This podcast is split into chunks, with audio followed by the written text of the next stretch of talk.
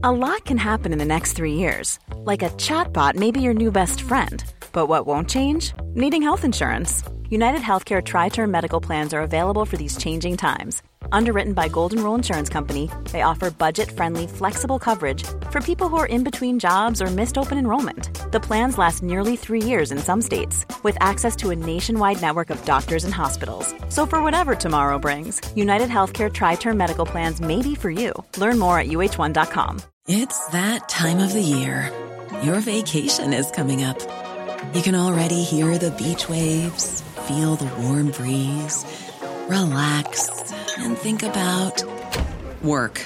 You really, really want it all to work out while you're away.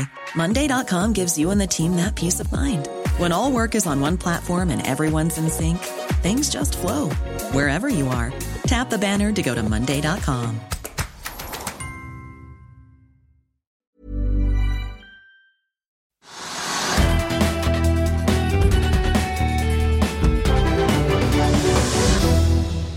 En riktig god mandag alle sammen, og velkommen til Økonominyhetene på en dag der hovedindeksen har eh, får vi si, gjort som en jojo, sust ned 2,5% fra start, og deretter spunnet oppover igjen til å nå være 0,3% i pluss idet vi er i gang med ukens første børsdag. Kalenderen viser 20. mars. UBS og sveitsiske myndigheter har reddet Credit Suisse. PGS betaler dyrt for lånene sine, og Okea tar et milliardjafs av Statfjord-feltet. Ja, det er noen av nyhetene som preger denne dagen. I tillegg til å gi deg en oversikt over hva som skjer, skal vi også snakke om fornybar. Vi vi får nemlig med oss sjefen i fornybarselskapet Greenstat, som mener de skal på børs i år. Ikke verst i dagens urolige marked. Med om det straks, altså. Men først la oss titte litt på markedet. Som jeg nevnte, så begynte det jo ordentlig surt tidligere i dag, men stemningen har snudd oppover. Og ikke bare her hjemme, hvor hovedindeksen nå er i eh, pluss med ca. 0,23% I Europa er det også blitt eh, grønt utover dagen. Og vi ser også at futuresene på Wall Street peker mot en oppgang når de amerikanske markedene nå så vidt eh, skal begynne handelen i det vi starter sendingen her. Fredag så, så vi jo de store indeksene i USA ende ned rundt prosenten, og hovedindeksen her hjemme mistet jo mye oppdrift på fredag og endte uken samlet sett ned 5,5% Sett med norske øyne i hvert fall, så sliter vi også fortsatt med oljeprisen. Nordsjøoljen var helt nede i 70 dollar og 9 cent i spotmarkedet tidligere i dag. Nå ligger vi på rett under 73 dollar fatet, opp en drøy halvprosent. Den amerikanske lettoljen på 66 dollar og 90 cent. Det er altså mye ned fra de nivåene vi så for ikke veldig mange ukene siden. Vi er jo nå i gang får vi si også med en rentemøtetung uke. Vi får tre viktige rentemøter. Den amerikanske sentralbanken kom jo da onsdag kveld. Og så har vi også Bank of England og Norges Bank da på torsdag, etter at den europeiske sentralbanken startet ballet nå torsdag som var, og holdt seg til lovnadene sine får vi si, om å komme med en renteøkning på 0,5 prosentpoeng. Og Apropos bank, UBS-aksjene i Sveits har vært ned inntil 15 i dag, men har også hentet seg mye inn. Ligger nå opp en drøy en prosent 1,25 ca. på børsen i Zürich, etter nyheten altså om at de går inn og overtar konkurrenten Credit Suisse for drøye 3 milliarder dollar i tett samarbeid med den sveitsiske sentralbanken og også Sveits sin finansregulator Finma. Credit Suisse-aksjen har på sin side ikke overraskende får vi si, dundret ned 60-70 i dag, etter at det ble klart at aksjonærene altså bare ble sittende igjen med en mindre andel av selskapet.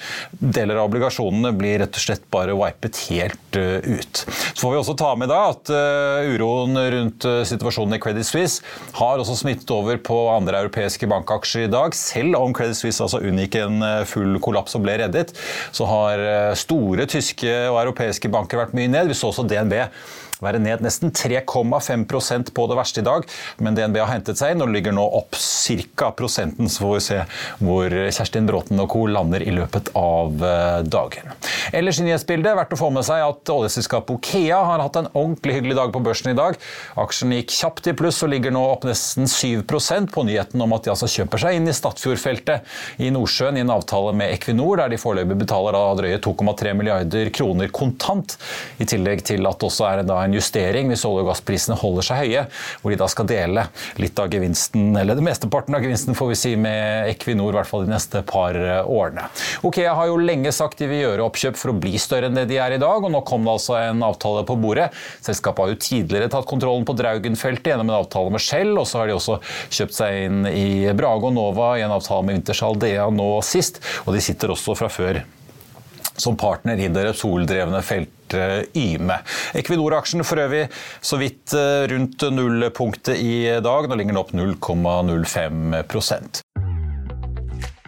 vil du bli oppdatert på det viktigste som har skjedd innen finans og næringsliv? Da er det bare å følge med, for hver morgen er jeg, Marius Lorentzen og aksjekommentator Karl Johan Malnes på plass i studio for å ta tempen på dagens marked i Børsmorgen. Og hver ettermiddag oppsummerer vi alt du trenger å vite i økonominyhetene, og det blir selvfølgelig masse interessante gjester. Klikk deg inn på fa.no-tv, eller søk opp Børsmorgen og Økonominyhetene der du hører på podkast.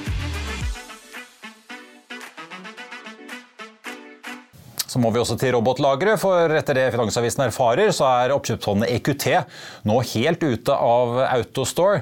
Et selskap EQT-topp Anders Misund i 2021 kalte deres beste investering i Norge noensinne. Det svenske oppkjøpsfondet kjøpte seg inn i Autostore i 2016, og nedsalget skjedde en gang da i november-desember i fjor. Det ble solgt unna 124 millioner aksjer. EQT ønsker ikke å kommentere saken i dag. Så langt i år er aksjen opp drøye 15% til litt over 20 kroner aksjen.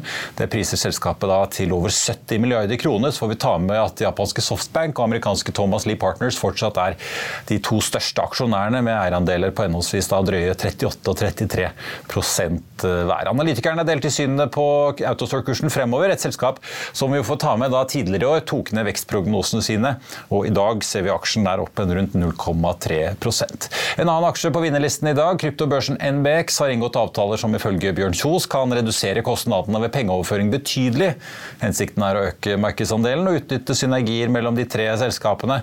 NBX ligger i toppen av vinnerlisten på Oslo Børs i dag med en oppgang på nå ja, 27% og var oppe over 30% Det siste året riktignok er aksjen ned over 60% en annen aksje som får seg et løft eh, i dag på drøyt 3% er Hydrogenpro, som eh, melder at de vil ta selskapets første steg inn i det amerikanske markedet gjennom å etablere seg i Texas med en produksjonskapasitet på 500 megawatt i det de selv anslår blir en investering på mellom 30 og 50 millioner dollar.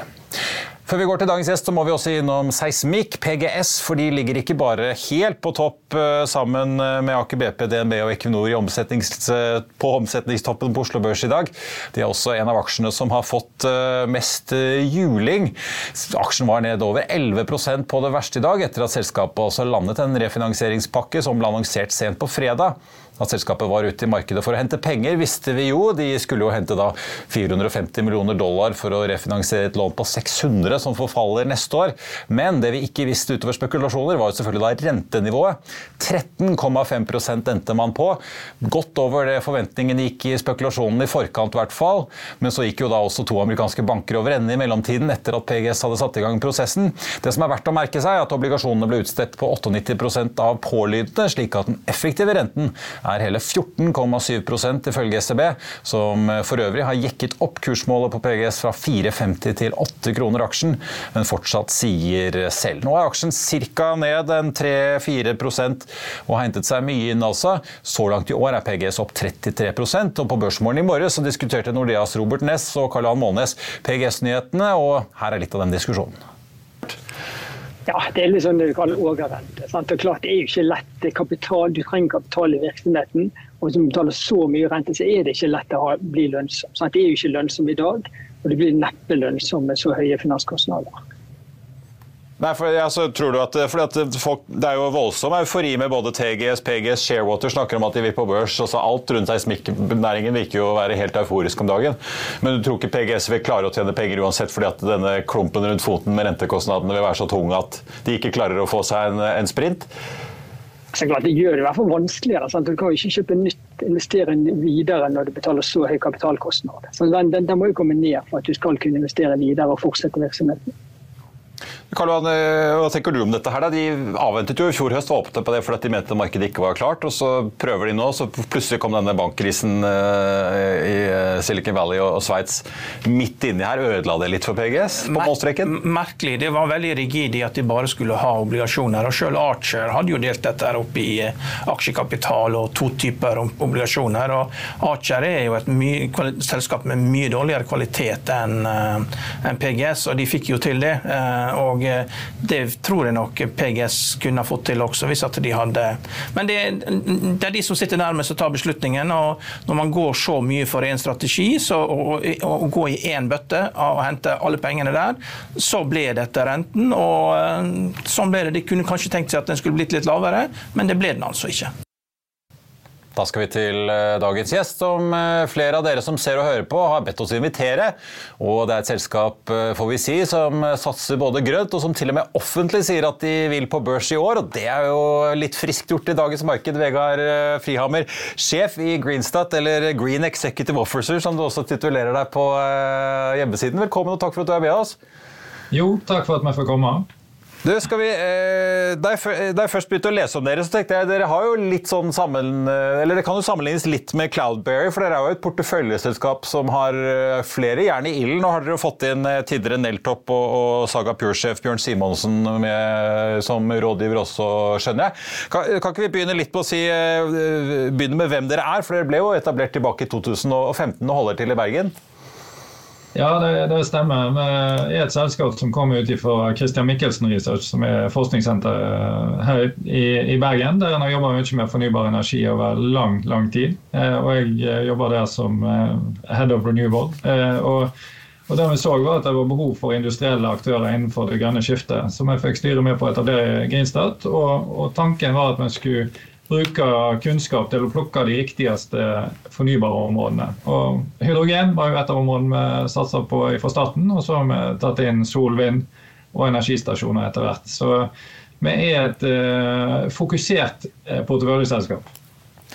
Vi skal, vi skal, grave litt i, i, i, virksomhetene eh, nedover i systemet, men jeg tenkte først bare ta det med, med, børs. For dere var jo med på, eh, som mange andre selskaper, på dette IPO Ready-programmet til Oslo Børs og Euronext i fjor vår. Som man kunne lese om i, i Finansavisen. Og dere har vært ganske åpne på det, men så har vi jo sett at eh, vekst og grønne aksjer har fått ordentlig mye juling i takt med renteøkningen. og Nå ser vi jo veldig mye uro generelt. Eh, også store mm. bank- og finansaksjer sliter. Eh, men dere står fortsatt på planen og tror dere skal klare dette her, altså? Ja, det gjør vi. Men selvfølgelig, vi blir jo ikke upåvirka av omgivelsene rundt oss. Så, så vi må jo se hvordan børsvinduet er når vi Eh, vi har jo siktet oss inn på starten av Q4 som, som vårt mål, og, og mye kan jo skje før den tid. Men, men, vi har jo hatt en langsiktig strategi helt siden oppstarten i 2015. Og vi er et folkeeid selskap sammen med våre industrielle partnere. Så vi har jo litt over 2000 aksjonærer i dag. så vi har på en måte rigget oss for å være et børsnotert selskap. Eh, og så er det jo å finne riktig timing. og Vi har jo undersøkt mulighetene helt siden måte den grønne bølgen kom i, i slutten av 2020 inn i 2021. og og Deltakelsen på IPO Ready-programmet er jo en del av vår børsforberedende aktiviteter. Og vi gjør en del andre grep som, som, gjør at vi skal være rigga. Eh, og det som jeg sier er at vi, vi, skal være klar for å gå på børs med, med alt det innebærer i starten av Q4. Eh, men det betyr ikke at vi nødvendigvis trykke på knappen hvis, hvis verden er, er, helt i ulage på den tida. Men eh, nå er det jo nedgang og uro nå, eh, og vi har jo tro på at dette vil eh, ta seg opp igjen. For den langsiktige trenden innenfor grønn eh, energi er jo, eh, er jo at dette kommer. Den forsvinner nok eh, neppe, så vi får satse på at dere kommer når eh, siden den litt modne fasen kanskje eh, kommer på børs. Men snakk litt om det. da. Altså dere, hvis man skal bygge ut store energiprosjekter, så trenger man jo mye kapital. Vi har jo sett en del, hvis man ser på Scatec og Equinor bl.a., så driver jo de med en god del prosjektfinansiering. Sånn at de ikke kjører så mye egenkapital fra konsernet inn i disse prosjektene. Uh, snakk litt om hvilke vurderinger dere har gjort. for jeg antar jo Dere kunne jo gått i obligasjonsmarkedet, kanskje forsøkt mer prosjektfinansiering. Hvorfor ønsker dere å gå på børs og hente kapital uh, den veien? Det, det vi ser er at Man må være sterkt nok kapitalisert i toppselskapet til at vi kan følge opp de eierposisjonene som vi har i våre prosjektselskaper. Så Hvis vi tar litt om hydrogenporteføljen, som nå begynner å bli moden, der vi er bl.a. involvert i tre hydrogen-knutepunktprosjektet som fikk eh, rundt 150 millioner hver i, i Enova-støtte i fjor sommer. Eh, det er Glomfjord, Rørvik og Kristiansand. Eh, så sitter vi på eierandeler på mellom 30 og opp mot 50% i de prosjektene. Og der ser vi jo på en modell der, der vi fra morselskapet må fylle på med noe kapital, men der det òg blir sett på direkte prosjektfinansiering inn i eh, prosjektselskapene. Så det vil være en kombinasjon, men vi er avhengig av å, være, å hente en, en god del kapital på toppnivå. Uh, har dere noen andre kilder hvis dette ikke Hvis det, blir, hvis det er sånn at deres børsvindu ikke er åpent, da? Eller er det sånn at dere da eventuelt klarer å utsette prosjekter, sånn at man uh, bare må utsette fremdriften litt? Prosjektene har en ganske stram tidslinje satt av Enova, der du skal nå en final investment decision nå i, i juni i sommer, og, og, og så med, med byggestart og produksjonsstart to år etter det. Eh, så for å opprettholde våre eierandeler i prosjektene, så er vi avhengig av å få hente inn kapital på enten på mornivå eller på underliggende eh, nivåer. Så vi har absolutt eh, flere spor som vi følger. Altså børsløp er ett virkemiddel som vi har tro på. Og så er det òg mer dedikert industrielle og finansielle investorer som ser på eksempelvis hydrogen spesifikt som, som et interessant område. som som vi følger eh, flere spor, men eh, altså, worst case scenario for oss er at vi ikke får henta tilstrekkelig kapital og må vannes ut i prosjektene. Noe vi ikke ønsker. Men Fortell litt om, hvis vi begynner med hydrogen. Da, nå, altså mange kjenner jo Nell. De jo både, vi har jo virksomhet i både Norge og USA. Vekter jo en god del opp i USA nå med Inflation Reduction Act. Vi har fulgt med Everfuel, som jo dere vel samarbeider med, så vidt jeg skjønner, som eh, akkurat har hentet penger. Fortell litt om There's never been a faster or easier way to start your weight loss journey than with PlushCare.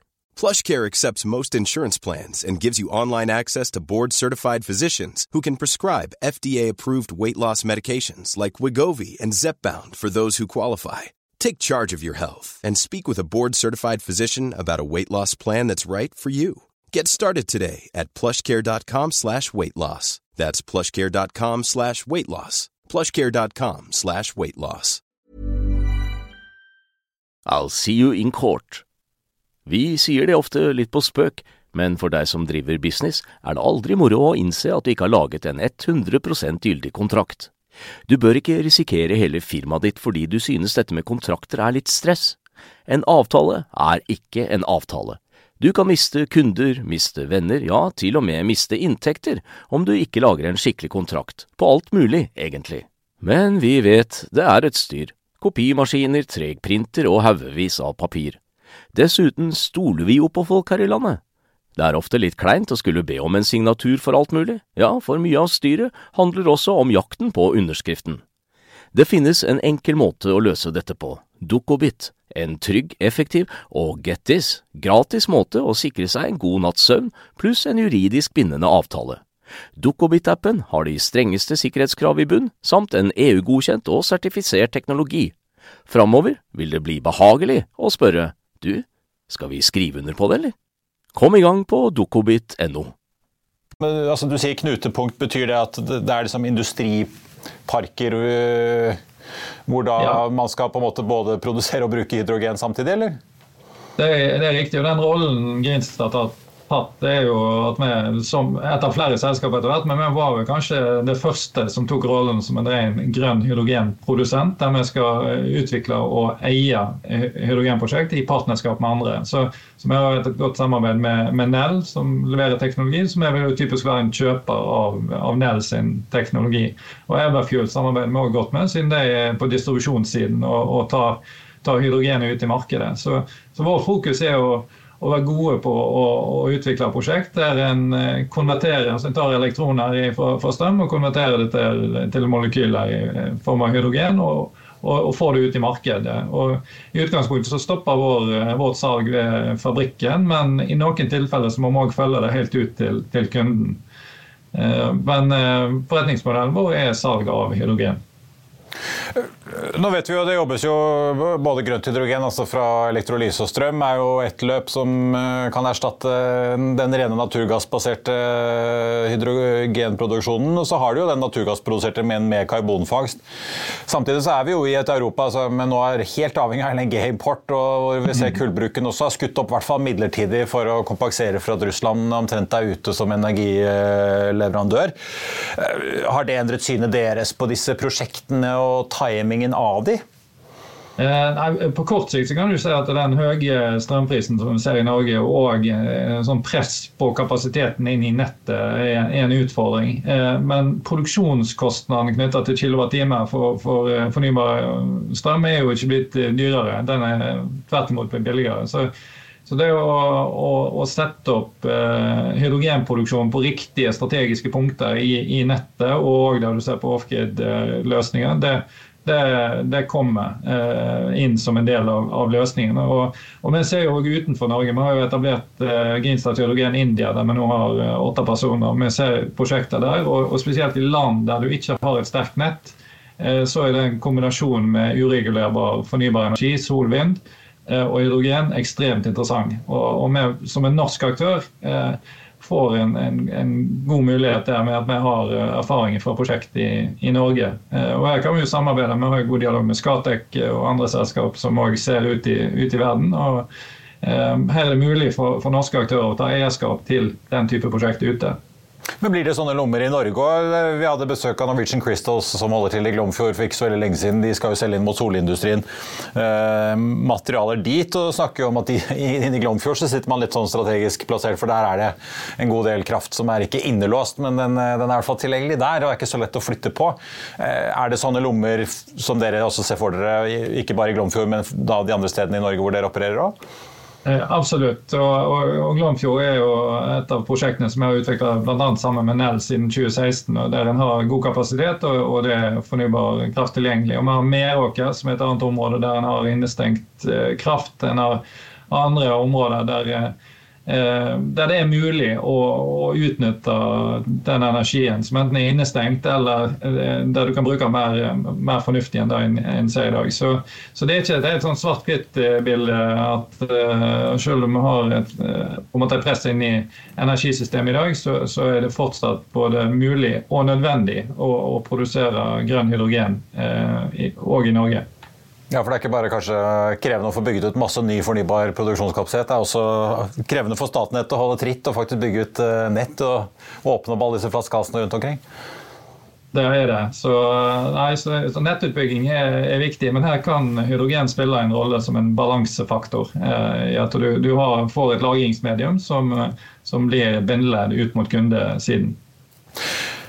Vi må snakke om eh, sol og vind også, fordi dere er også, så vidt jeg ser, engasjert i, allerede i Bosnia faktisk, med et eh, solanlegg. Jeg ser jo at dere både eh, vurderer da sol på tak eller disse større utility, altså hva skal man kalle det, solparkene. da, mm. Som vi har sett både Magnora, Energeia, Hafslund og Eidsiva begynne å jobbe med i Norge. Er det på en måte et segment som dere ser blir kanskje viktigere enn sol på tak, eller hvordan ser dere på, på solsegmentet for tiden? Solmarkedet har jo vært eh, ekstremt interessant de siste årene. Fra å ha vært litt, eh, litt i dvale, kan du si, i hvert fall i Norge de siste årene. Og med økende strømpriser så har det selvfølgelig blitt mer interessant. Men eh, solparkmarkedet ute i, både i Europa og resten av verden har jo vært under utvikling, og Skatek har jo gått, vært en av de som har gått foran der. Men det vi ser at vi har mulighet til å komme i inngrep og komme på, på eiersiden tidlig i prosjektet, være med å utvikle det og bruke vår kompetanse. Og Bosnia-caset er jo Bosnias største solpark, som nå er under, under bygging.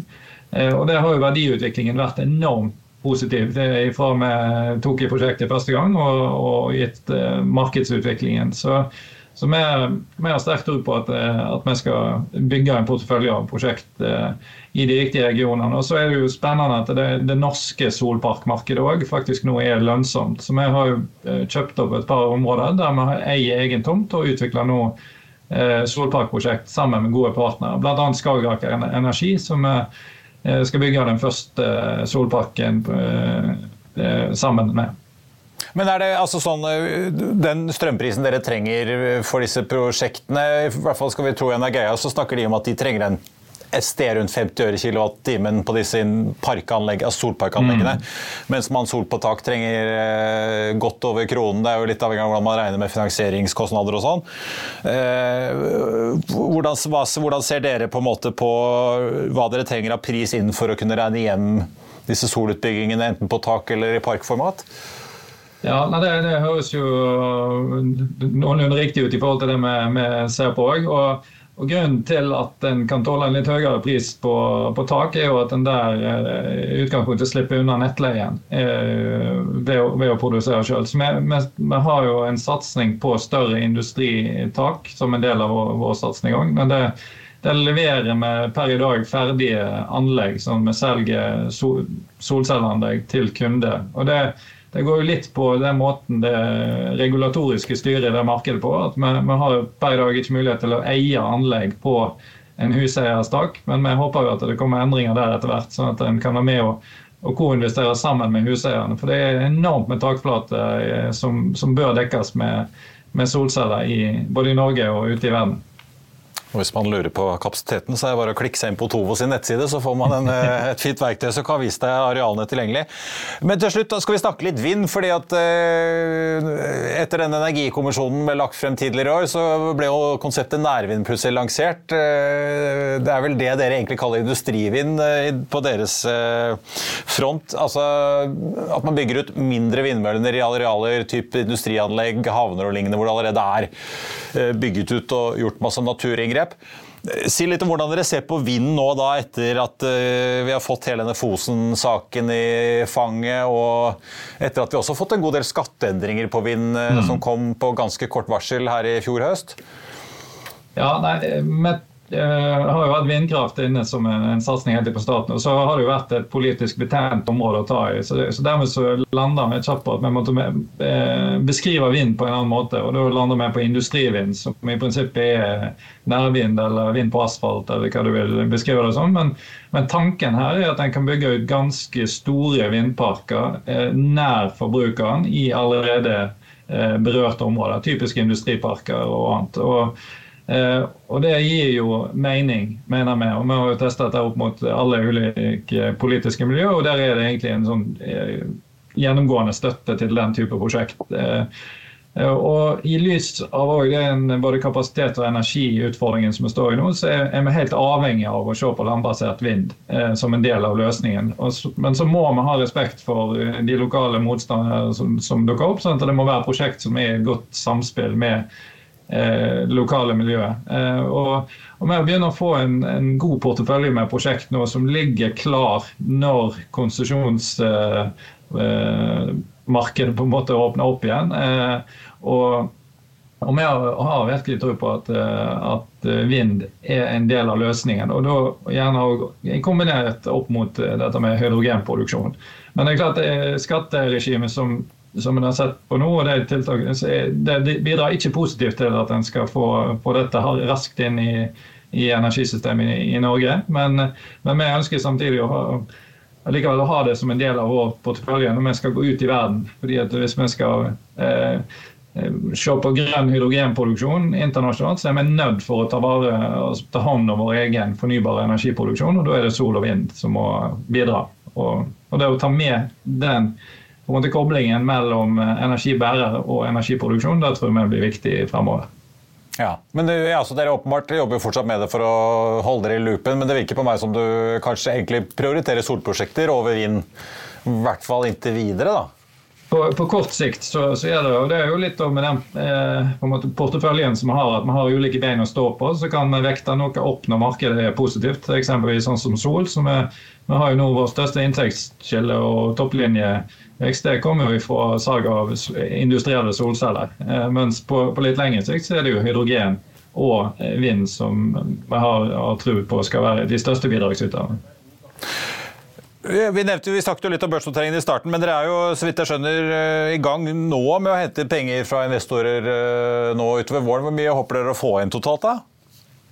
Vi har en, eh, en styrefullmakt på 28 millioner aksjer, så vi har egentlig åpna opp for at vi kan, kan, selge ut hele den. Men vi ser jo at markedet er det, er jo eh, ikke lettsolgt sånn, i utgangspunktet, så her må det gjøres en god jobb. Men vi er godt i gang med den emisjonen som vi har. og Vi har noen hundre som har tegnet seg allerede. Og vi håper jo at det blir bra trykk fram mot fristen nå i mars. Men i parallell med å ha en åpen emisjon, så jobber vi òg mot strategiske større industrielle aktører, som, som er et mer tradisjonelt Eh, løp der en, en, en kjører DD-prosesser og, og sikrer de inn. Eh, for med, Frem mot børsnotering så, så, kommer vi til å eh, Da trenger vi å bredde ut i toppen og ha flere tunge industrielle partnere med. Nå har vi jo Aker Horizon som har kommet inn på eiersiden i 2021 og har ca. 19% av eierskapet i dag. også med, med Teva, som har vært gode eiere så langt, men vi trenger å, å fylle på med, med nye i, i, toppen. Altså Trond Moen for, de som, for de som ikke tar referansen ja. der. Ja. Selv om Meteva sikkert klinger fort på Vestlandet. Uh, Vegard Frihammer, tusen takk for at du var eh, med oss. Så skal vi si lykke til med både pengejakt og eh, fornybarbygging utover året, så skal vi følge med. På tampen av sendingen tenkte jeg bare vi må innom børsen, som altså har tatt får vi si, en full U-sving i dag. Vi ligger nå opp 0, nesten 5048, nesten en halv prosent i pluss altså til 1158 poeng. 59 Eh, faktisk ligger vi og suser på nå. Vi var nede på 11,23 og så et ganske kraftig fall fra start, også, Men vi har i likhet med resten av Europa hentet oss inn, og det ser også ut til å bli i hvert fall en grei dag for noen på eh, Wall Street. Dow Jones opp nesten 1,1% SMP 500 opp 0,4% fra start, mens Nasdaq henger etter med et fall på 0,5% Da kan det jo se ut som vi får en eh, reversering av eh, det lille tech-rally vi så i forrige uke på noen av dagene. Her hjemme i hvert fall så er det jo da rødt på da både Aker BP og Equinor i toppen av mest omsatt-listen. Ikke helt overraskende kanskje om at oljeprisen er da i minus en halv prosent i dag, ned på 72,20. Vi har jo snust nesten på å komme ned på sekstallet, men det endte i hvert fall foreløpig i dag på 70,09 på det laveste. Ellers på mest omsatt-listen så ligger DNB på en god tredjeplass etter Aker BP. Den aksjen er nå i pluss etter å altså ha falt ganske kraftig tidligere i dag. PGS ligger inn på et fjerdeplass, nå ned 2,6% Den aksjen var jo ned tosifret fra start i dag, etter altså meldingen om at de nå har landet eh, pakken, hvor de får inn 450 millioner dollar med da det mange syns er en ganske høy rente som nærmer seg kredittkortnivåer omtrent, for å da refinansiere et lån som forfaller i eh, starten av neste år. Ellers på mest omsatt-listen så går det opp for både Frontline, Yara og Hydro. Alle de er opp eh, over halvannen prosent. Ellers så er også Bård Drilling opp 1,2% på ganske høy omsetning. Får også ta med da UBS, eh, ikke overraskende Credit Suisse er mye ned i dag, men vi får ta med UBS, som altså skal ta over Credit Suisse etter eh, krisen der. Den ligger nå opp 6,2% på Zürich-børsen. Aksjen var jo ned da 15% omtrent på det verste tidligere i dag, men altså har gjort full kontra i eh, etterkant. Så det er jo et volatilt marked, om ikke annet. I Finansavisen i morgen kan du lese Trygve Egnars leder om sludder fra Kirsti Bergstø i SV. Du kan lese om sjeføkonomen som mener selv en kraftig dose antibiotika ikke kurerer pasienten. Så blir det mer om PGS-lånet og om DNB-analytikeren som spår voksesmerter og strømprissjokk i fornybarsektoren. Og det var vår sending på denne mandag 20. mars. Tusen takk for at du så eller hørte på. Vi er tilbake igjen her i morgen 08.55 med Børsmorgen. Da får vi besøk av First Fonds Thomas Nilsen. Og så blir det Økonominyhetene 14.30 med Trygve Hegnar. I mellomtiden så får du som alltid siste nytt på FA.no. Mitt navn er Marius Thorensen. Så håper jeg du får en riktig god mandag videre. Takk for nå.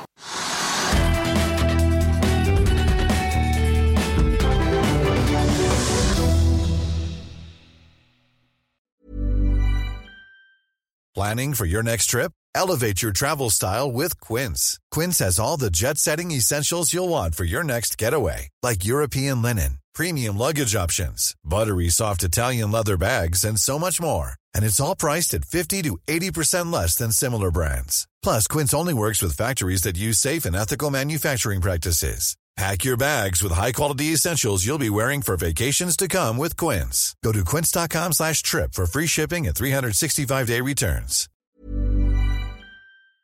Økonominyhetene er en podkast fra Finansavisen. Programledere er Marius Lorentzen, Stein Ove Haugen og Benedikte Storm Bamvik. Produsenter er Lars Brenden Skram og Bashar Johar. Og ansvarlig redaktør er Trygve Hegnar.